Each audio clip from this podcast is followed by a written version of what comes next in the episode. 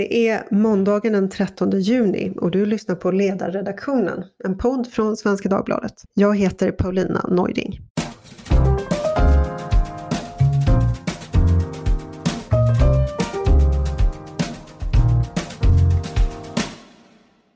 Mm. Och med mig idag har jag Linnea Lindqvist som är biträdande rektor för Hammarkullsskolan.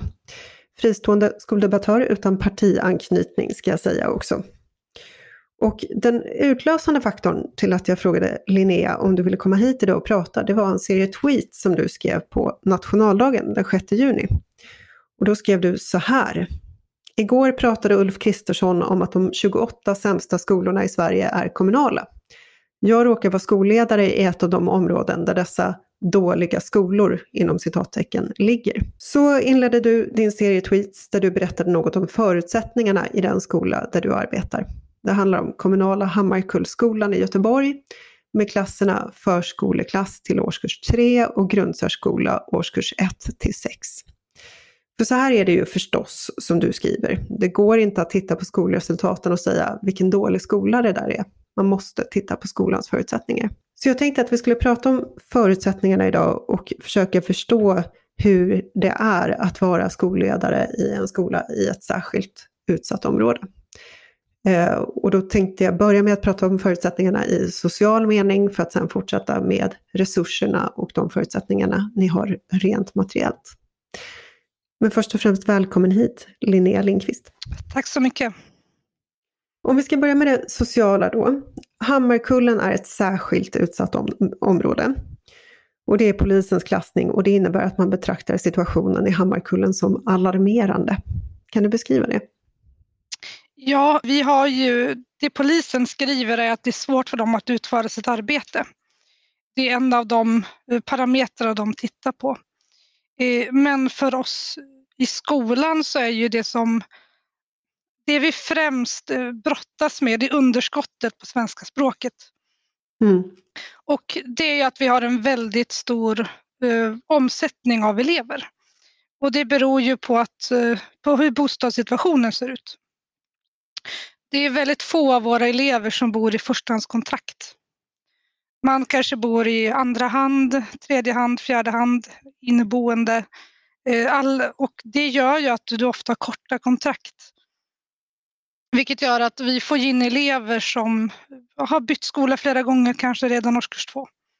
Och det påverkar ju kunskapsutvecklingen jättemycket. Det där tror jag är en väldigt stor skillnad mot eh, liksom, det övriga Sverige, det här vanliga medelklass-Sverige som vi tänker på när vi pratar. Just att eleverna, man bor inte i, i trygga bostäder utan man flyttar runt hela tiden. Det, jag tyckte det var slående när jag läste dig på, på Twitter. Jag hade inte riktigt tänkt på det där som en faktor på det sättet. Men hur, om du skulle mm, göra en uppskattning av hur stor andel av eleverna som har den typen av otrygga boenden? Alltså det, jag har inte räknat på det såklart, men jag skulle säga att det kanske är 35-40 procent kanske. 35-40 procent som inte bor i mm. trygga boenden utan måste flytta runt? Ja, sen är det ju olika. En del har ju kanske ett kontrakt på ett år eller två år eller att man bor inneboende under flera år och sådär. Men det är, det är många som inte har förstahandskontrakt. Och det här underskottet på svenska språket då, hur, vad, vad beror det på för det första? Nej men dels är det ju för att de vistas i en miljö i skolan där man inte har språkliga förebilder på svenska bland sina mm. kompisar. För att jag har ingen elev på skolan som har svenska som modersmål. Ingen elev på skolan som har svenska Nej, som modersmål? Precis, och sen så är, vi jobbar ju jättehårt med att lära dem svenska, givetvis. Mm. Det, vi jobbar ju, alltså all undervisning är språkutvecklande, eh, fritidshemmets verksamhet, alltså vi jobbar ju med, ja men ge dem ord och begrepp hela tiden, givetvis. Men det är svårt för dem att befästa orden därför att de använder dem inte utanför skolan, vilket gör att det, om vi har gått igenom ett gäng ord en vecka så är det inte säkert att de kommer ihåg dem nästa vecka för de har inte använt dem mm. utanför skolan så att säga. Så att det är väldigt svårt för oss att bygga ordförråd som håller. så att säga. Mm. Hur många barn är det i skolan? Ska jag fråga? Det är drygt 200. 200 elever varav mm. noll har svenska som modersmål. Mm. Och vilka delar av världen är det som är representerade huvudsakligen? Det är alla möjliga. Vi har jättemånga från Vietnam till exempel. många från Balkan, uh, ja, jättemånga olika länder. Hur stor andel skulle du säga av eleverna har valt skolan och hur många har bara placerats för att man inte har Nej, men De som går här nu har nog önskat. Vi har ju fler önskemål än platser hos oss. Hur kommer det sig tror du? För att vi har fantastisk undervisning. Alltså det, mm. Vi har otroligt skickliga lärare. De är jätte, jätteduktiga. Mm. Det pratas ju om, om hur bra Hammarkullsskolan är bland föräldrar och liksom ute i området och så. Vad är det i pedagogiken som, är, som gör att man väljer skolan? Lärarna är väldigt duktiga på språkutvecklande undervisning. Och mm. undervisningen är väldigt eh, rolig och lustfylld för eleverna. Och sen har vi kan jag säga, väldigt traditionell undervisning. Det är ju läraren som följer, vi har läromedel i alla ämnen. Eh, vi har skolbibliotek till exempel, med en utbildad bibliotekarie. Eh, vi jobbar ju väldigt mycket med nöta faktakunskaper. Alltså vi är så gammeldags att barnen får sitta i skrivböcker och liksom forma samma bokstav tills de har lärt sig forma den. De kan sitta liksom och skriva S 50 gånger tills de har lärt sig det. Eh, så, så att de, vi jobbar väldigt mycket med baskunskaperna. Och hur kommer det sig att ni gör det? Är det, är det ni i skolledningen som har valt att göra på det sättet eller finns det liksom direktiv om att man ska jobba så när man har den typen av förutsättningar som ni har? Nej men det är det eleverna behöver. Därför att mm. våra elever vet ju inte vad de behöver lära sig. Det är ju vi som vet det. Mm. De kan de, inte söka sin egen kunskap. Nej, precis. Och de, de behöver ju lära sig läsa och skriva. Det är vårt mm. absoluta fokus. För att återgå då till förutsättningarna i ett område som är särskilt utsatt. Eh, det kommer ju rapporter om att eh, kriminella nätverk och klaner eh, försöker påverka socialtjänsten. Jag föreställer mig att skolan kan inte vara undantagen från det här. Är det någonting ni upplever? Försök Nej, tvärtom faktiskt. Vi upplever ett väldigt bra samarbete med alla föräldrar. Och vi är väldigt tydliga med alla våra föräldrar att vår uppgift är att se till att era barn klarar skolan. Och vi mm. måste ha ett gott samarbete. Så att, eh, jag har inte haft någon försök till påverkan. Häromdagen kom en rapport från polisen om att över tusen barn finns i de här eh, kriminella gängen. Och när man eh, läser om eh, klanerna är en sak, men de här kriminella gatugängen är också eh, till stor del, där finns det släktband. Man är, ja, det är brorsor och kusiner och så vidare som, som dras till samma kriminella sammanslutningar. Märker ni av det här i skolan, att man har en storebror som är kriminell eller eller andra Nej, alltså jag frågar inte mina elever vad deras föräldrar och eh, barn eller storebröder gör. Men det vi, kan, det vi jobb, har jobbat mycket med under flera år, det är ju mm. machokulturen. Att försöka mm. få bukt med den. Att det inte, att så fort vi ser tendenser till antipluggkultur, eh, att barn börjar prata om att skolan är tuntig eller hur, om man märker att de börjar byta liksom, stil, lägga till sig med vissa typer av slang och så, då tar vi tag i det direkt.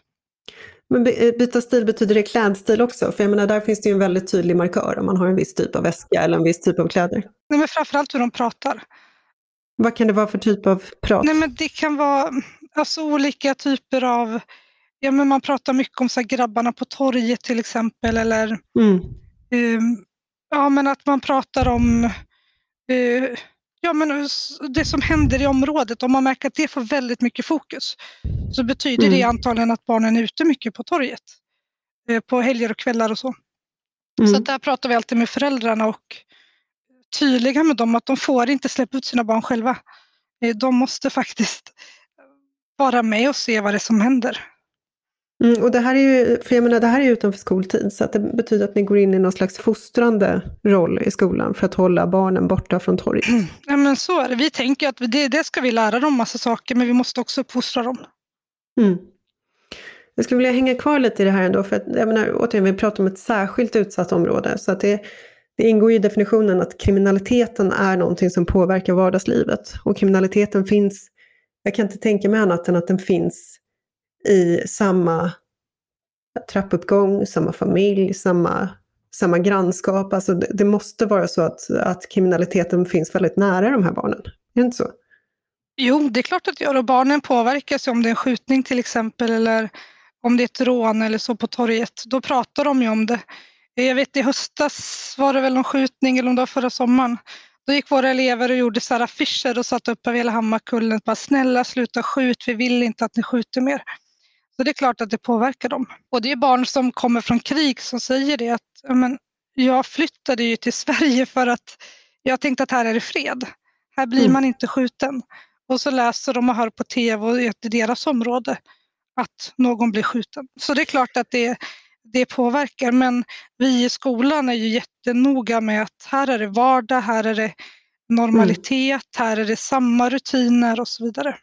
Jag tänker att det är det barnen behöver. Hur är det med våld mellan elever? Är det någonting som förekommer på, på ett sätt som vittnar om eh, våldet i området i övrigt? Mm, det är en del konflikter, eh, mest på rasterna, för det är det som är minst styrt så att säga. Men det handlar ju mest på fotbollsplanen faktiskt, att de mm. inte har lärt sig fotbollsreglerna. Men det är klart att det sker konflikter mellan elever. Mycket på grund av språket. Att, de, att man inte förstår varandra helt enkelt? Ja, att man kanske inte har ord på svenska för att förklara vad man tänker, tycker och känner. Men då är det lättare att, att ta till näven liksom när man inte kan förmedla sig. Så att vi mm. jobbar ju mycket med att lära barnen känslospråk alltså, och att de ska ha ett jag-budskap. Så jag kände så här när du gjorde på det här sättet. Eh, och just att träna på det, att lyssna på varandra. Och det är ju det är mer konflikter i förskoleklass och ettan än i tvåan och trean. Vi märker mm. en jättetydlig förbättring. Eh, ju, mer, ju bättre de blir på språket, mm. då märker vi att det blir mycket lugnare. Och är det så att ni eh, pratar man svenska på skolgården? Finns det sådana krav från skolans sida? Ja, generellt gör man det. Sen vet ju vi har en jättestor skolgård så det är klart att barnen ibland kanske pratar sitt hemspråk. Men mm. generellt ja, så pratar vi svenska. Mm. Tillbaka till det här med utsatta områden. I definitionen från polisen så ingår ju också att eh, när det gäller särskilt utsatta områden att eh, eh människor därifrån, boende därifrån har gjort jihadresor. Eller ja, resor för att strida utomlands, men det brukar i praktiken innebära jihadresor. Märks den religiösa extremismen av i skolan? Nej, det tycker jag inte. Alltså, vi har ju FT3 så jag tänker att jag tror att det kanske är mer i de högre åldrarna i så fall. Mm. Vi har inte märkt direkt någon sån. Vi har ju har liksom haft eh, verkligen just att se tendenser liksom, men nej, inte vad vi kan se. Är det något mer man ska förstå om de här sociala förutsättningarna? Alltså brist på fasta adresser, noll elever som har svenska som modersmål, eh, att elever, jag menar i många bostadsområden i Sverige är det otänkbart att elever i förskoleklass till trean skulle behöva ge sig ut i området och affischera mot skjutningar.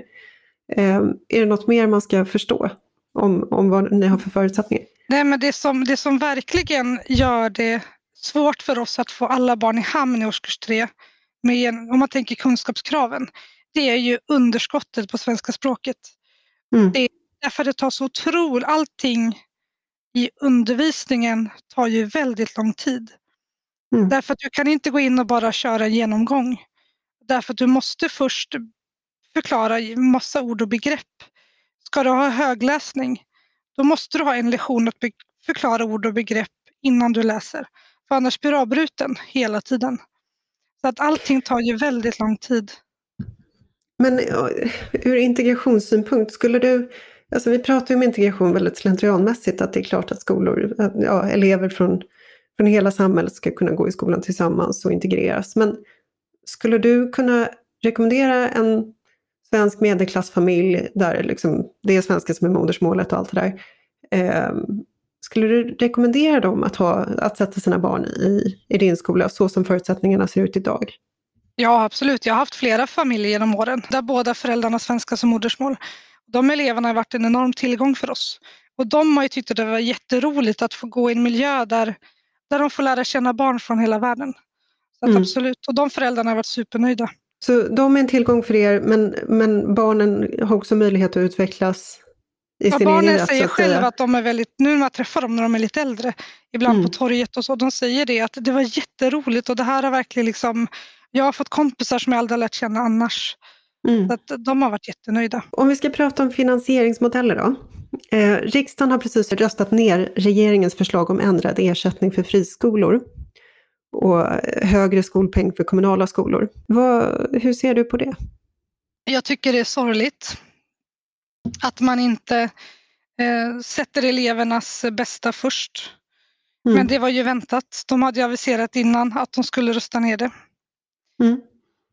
Varför skulle kommunala skolor ha högre skolpeng? Nej, men det här handlar inte om att sänka ersättningen till friskolor utan differentierad skolpeng, syftet med det är ju att ge kommunerna ersättning för utbudsansvaret. Så att syftet är, även om konsekvensen blir ju det, men syftet mm. är alltså det finns ju inget egenintresse att sänka ersättningen till friskolor. Om du bara hjälper våra lyssnare här, utbudsansvaret. Ja, det är det, det, ansvar, det lagstadgade ansvar som varje hemkommun har att um, tillhandahålla skolplatser för alla barn i kommunen. Mm. Eftersom att vi har skolplikt i Sverige, då måste också någon garantera att det finns en skolplats till alla barn, för annars kan de inte fullgöra skolplikten. Mm. Och det ansvaret är ju lagt på kommunerna. Och det gör att man, kommunen måste ha skolor där det inte heller alltid är fulla klasser. Och det kostar pengar. Just det, man måste ha beredskap om eh, de... Eh, ja, du måste om... ha skolor i alla geografiska delar av en kommun. Vi kan ju inte säga i Göteborg att vi bygger tio jättestora skolor i centrala Göteborg men ingen annanstans. Det får vi inte mm. göra, därför att då kommer vissa elever få för långt till sin skola. Så ni måste ha skolor i alla områden och ni måste vara beredda på stora kullar och ni måste vara beredda på om en friskola flyttar ja, eller lägger ner. För mm. det har ju de rätt att göra förstås. Mm. Ja, det är ett företag, de har inte vi rådighet över. Så. Kompenseras man inte för det här idag? Nej, det gör man inte. Det är helt ofinansierat. Och du har skrivit rapporten Nyckeln till skolans finansiering. Du har bland annat gått igenom alla 290 kommuners mm. skolbudgetar och resursfördelningsmodeller. Hur, mm. Eh, vad, vad, kom du fram till där? Jag kom fram till att 90 procent av kommunerna skär ner i skolan i år, vilket är då i och för sig en förbättring från förra året. Då var det 97,9. ja. 90 procent skär ner i år och 97,9 förra året. Så det är en förbättring. Ja. Men det är på grund av statliga coronapengar. Eh, men när det gäller... Hur då på grund av statliga coronapengar? Ja, men därför har kommuner, de har ju pumpat ut jättemycket statsbidrag. Mm. att kommunerna har ju bättre ekonomisk situation i år. Mm. Att det är färre som skär ner i år i skolan. Men det här är ju lite konstigt för att i den politiska debatten så pratar man ju hela tiden om mer resurser till skolan. Eh, men om 290 ah, kommuner, eh, blåa och röda, 90 eh, procent av dem skär ner, då, då är det liksom, det finns ju någonting här som inte stämmer, eller hur? Nej men det finns ju en tro att det går att hela tiden bedriva skola till lägre kostnad och högre kvalitet. Och mm. därför så gör man ju strukturella nedskärningar då där man inte räknar upp ramen för mm. pris och löneökning så att säga. Och hur mycket utrymme finns det för effektiviseringar i skolan? Noll skulle jag säga, för man, man har skurit ner under så många år. Eh, det här är inte riktigt kanske en, en sån mm. bransch där det finns mycket utrymme för innovation. Nej, alltså jag, för jag, om, man, om man återgår till att våra elever ska lära sig skriva, säg att de måste sitta och skriva varje bokstav 50 gånger för att lära sig forma den, hålla mm. pennan rätt. Hur ska vi kunna göra det dubbelt så snabbt? Mm. Alltså de här mm. barnen, om vi ska lära dem ett basordförråd, ska, säger de, hur ska vi kunna göra det helt plötsligt på sex månader? Det går inte. Men är det inte, ligger det inte väldigt nära till hands då när man har det här besparingskravet på sig hela tiden? Att man tar en genväg till exempel via det digitala. Alltså jo, det går mycket absolut. fortare att lära mm. barn skriva på, på en platta, eller hur? Mm. Den köper du en mm. gång och sen har du den där mm. plattan och sen så sitter de där och skriver med pekfingret och så lär de sig aldrig att skriva. Finns det inte en stark sån drivkraft? Jo, absolut. Och det främsta incitamentet för digitalisering är ju att spara pengar. Tänker jag. Just det. Alltså, jag, jag går ju inte på det. Alltså, våra elever måste lära sig från grunden. De måste lära sig... Alltså vi vill ju att de ska... För att jag tycker det är så viktigt när våra elever växer upp i den här uppförsbacken.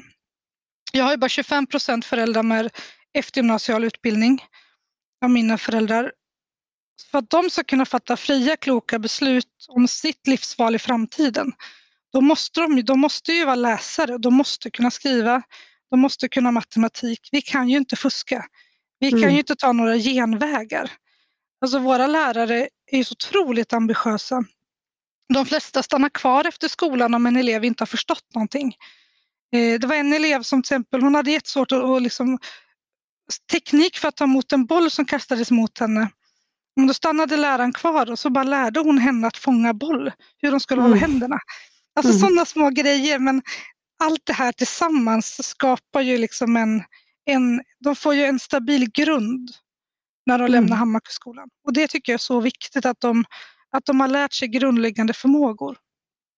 Den här traditionella kunskapssynen, jag förstår hur du resonerar om att den är särskilt viktig hos er, givet de förutsättningar som ni har. Är det vanligt att man resonerar så bland skolledare eh, i motsvarande skolor på andra håll i Sverige? Eller är du, känner du, har du en bild av att du sticker ut här? Nej, men jag tror att jag kanske ses som lite gammaldags.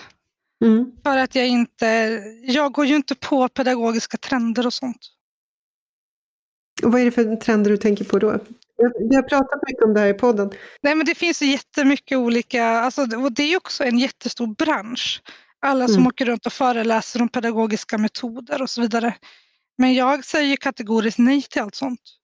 Därför mm. att våra elever behöver lära sig grundläggande förutsättningar. De måste lära sig att bli goda läsare till exempel. Lära sig källkritik, alltså allt det här. Fungera i grupp.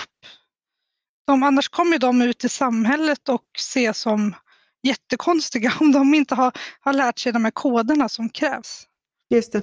Och jag menar, källkritik är ju en sån här sak som förutsätter att man är en god läsare och mm, kan ämnes... Precis. Så att. Faktakunskaperna inte... är ju så viktiga. För att mm. annars kan du inte, vad ska du annars kritisera om du inte vet så att faktakunskaper mm. är ju helt grundläggande.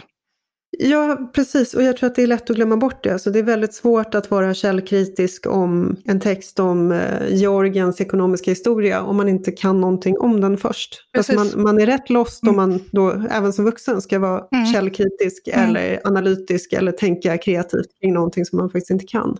Precis. Jag, jag skulle vilja hålla mig kvar vid det här med skärmarna och, och sådär för jag har en bild av att det pågår lite av en, eh, alltså det finns en Eh, trend som Sverige hakade på väldigt starkt när det digitala var nytt och det var framtiden och man skulle ha digital kompetens och så vidare. Och det här öppnar för besparingar och genvägar och att man helt enkelt sätter eleverna framför skärmar. Och det har ju den fördelen att eleverna blir så uppslukade att de sitter tysta dessutom till exempel och att det är mycket, allting är mycket enklare. Man får mycket starkare återkoppling från en skärm än vad man får från en människa. Det är därför mycket roligare att liksom sitta framför skärmen i skolan. Det är mycket mer tacksamt både för skolan och för eleven. Har, har du också den bilden? Att det finns, ja. det finns ett utrymme för bluffande här? Absolut. Nej, men och sen är det också en del av kommersialiseringen av skolan. Digitaliseringen, och det, det står ju också i kommunbudgetar att det här kommer leda till ökade verksamhetskostnader över tid. Mm. Att samtidigt som man gör strukturella nedskärningar så lägger man jättemycket pengar på digitalisering. Mm. Vilket gör att de behöver ju till slut bytas ut. Och sen anställer man någon utvecklare för, att, för iPadsen. Sen anställer man alltså du vet, någon som ska hantera dem. Så att det, är ju, det är ju inte ett, det blir ju aldrig en besparing så att säga. Det blir en mm. ökad kostnad och en sämre kvalitet i utbildningen. Om vi ska prata om skolvalet och skolmarknaden då. Du efterlyser ett gemensamt skolval, vad, vad, skulle det få för effekt? Det skulle få effekten att, att vi får valfrihet. Det har vi ju inte idag. Idag har vi någon kvasi-valfrihet för de högutbildade. Eh, jag, jag, tycker det är viktigt att, att man får önska, vi har ju inget skolval ska man säga, då. vi har ett önskemål om skola. Eh, men jag tänker att det är viktigt att, att alla önskar skola samtidigt därför att då får alla samma förutsättningar. Nu är ju platser paxade långt i förväg. Precis, när du pratar om ett skolval för, eller för medelklassen, så det är helt enkelt så att om man har koll på systemet, så, ja. systemet mm. så sätter man sitt barn mm. i kö till eh, Campus Manilla i Stockholm mm. redan på BB. Så fort du får ett personnummer så, så är man framme. Och, det, mm. och att man överhuvudtaget vet att det är Campus Manilla som gäller, det beror på att man då har kompisar som också mm. sätter sina barn där. Så att det finns en, ett socialt kapital mm. som man har i medelklassen. Och jag tycker det är ett problem att vara ett system som kräver att man är systemsmart. Mm. Jag tycker vi ska ha ett system som, in, som alla kan förstå, som alla kan använda på samma villkor. Man ska inte behöva vara jätteinsatt i skolsystemet. Eh, mm. Vilket man måste vara idag. Det är också om du flyttar. Till exempel så har du ju inte samma chans för då är kö, pla, platserna redan paxade. Så att jag har jättesvårt att se hur man kan vara förespråkare för valfrihet och samtidigt förespråka kö. Därför att kö och valfrihet är ju motsatser. Å andra sidan, så det, det, måste ju finnas en legitim önskan hos föräldrar som har svenska som modersmål, återigen, som vill ge sina barn den bästa möjliga utbildningen, att sätta dem i en kontext där man inte måste börja från noll med svenskan, utan där man kan börja från en högre nivå och, och liksom köra därifrån. Det här är ju det som är så svårt, att situationen ser ut som den gör. Fast det kommer ju inte vara någon skillnad. Det är bara det att alla, att alla önskar samtidigt. Jag menar inte själva eh, val, det här tekniska, hur systemet är mm. utformat. Att det kan finnas en legitim önskan om att eh, jag vill inte behöva börja från noll med mm. svenskan till exempel. Nej, alltså jag tänker det är ingen skillnad mot för nu. Alltså man har ett gemensamt skolval, det är bara det att alla kommer önska samtidigt. Och sen är det viktigt tycker jag att vi skiljer på skolönskemålet, det som kallas skolval, och placeringen. Mm. Det är helt olika saker. Oavsett hur man utformar placeringarna, alltså principerna för placering, så sker mm. det alltid ett önskemål. Mm. Att även om man tar bort köerna så har vi ju inte mindre valfrihet. Därför att önskemålet kommer ändå ske. Och hur är det då med aktiebolag i skolans värld? Alltså, vi har en aktiebolagslag som aktiebolagen följer och det innebär bland annat att de ska generera vinst till sina ägare. Hur funkar det här i skolans värld, tycker du? Jag tycker det är problematiskt. Jag tycker vi ska fasa ut aktiebolagen och ha stiftelser. Sen har jag inget problem med vinsten. Eh, mm. Att, att företag tar ut vinst, det har jag liksom, bekommer mig inte. Men incitamentet för lönsamhet är ju djupt problematiskt. Och det är bland annat då eh, upplåsta betyg? Nej, men så här, eftersom att skolpengens grundbelopp är ju lika för enskilda och kommunala huvudmän.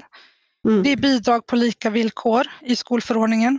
Och det betyder att om kommunen betalar ut 100 000 i skolpeng per elev i sin, till sin verksamhet mm. så måste de ersätta alla elever, motsvarande alla elever till enskilda huvudmän med 100 000 mm. kronor per elev.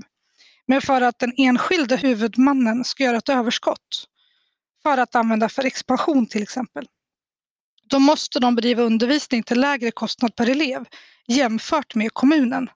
Annars kan de inte göra ett överskott. Och mm. därför har man ju färre skolbibliotek, mindre skolgårdar, färre specialsalar. Eh, man har eh, färre utbildade lärare, man har större klasser. Det incitamentet för att, för att skapa överskott är det stora problemet som sen inte tas ut i vinst ofta. Många skolkoncerner tar ju knappt ut någon utdelning men man använder det för expansion och det är ett större problem. Kan man inte tänka sig då som förespråkarna för det här systemet säger att det finns, det finns effektiviseringsvinster att göra, att det finns ett slöseri i det offentliga systemet som aktiebolag inte tolererar och inte ägnar sig åt? Alltså det, det största slöseriet vi har idag det är att vi har det här dränaget av skattemedel till enskilda huvudmän för ett uppdrag de inte har. Det är ett enormt slöseri med skattemedel. Nu var det i helgen skrev de om de här naturbruksgymnasierna som inte har några hästar men mm. utbildar. Men de får 250 000 per elev vill de ha då. Fast för att utbilda hästskötare utan, utan hästar? hästar. Mm. Mm. Ja, och det är ju slöseri på skattemedel. Att vi mm. ska betala dem dubbla skolpengen för en verksamhet de inte bedriver. Det är väl slöseri på skattemedel om något. Mm. Hur kommer det sig att de får dubbel skolpeng till att börja med? Därför att de har, de har ju öppnat ett naturbruksgymnasium utan mm. Men de har det i en, i en vanlig fastighet. De har inga djur, de har inga maskiner, utan mm. de besöker Skansen mm. några gånger per termin.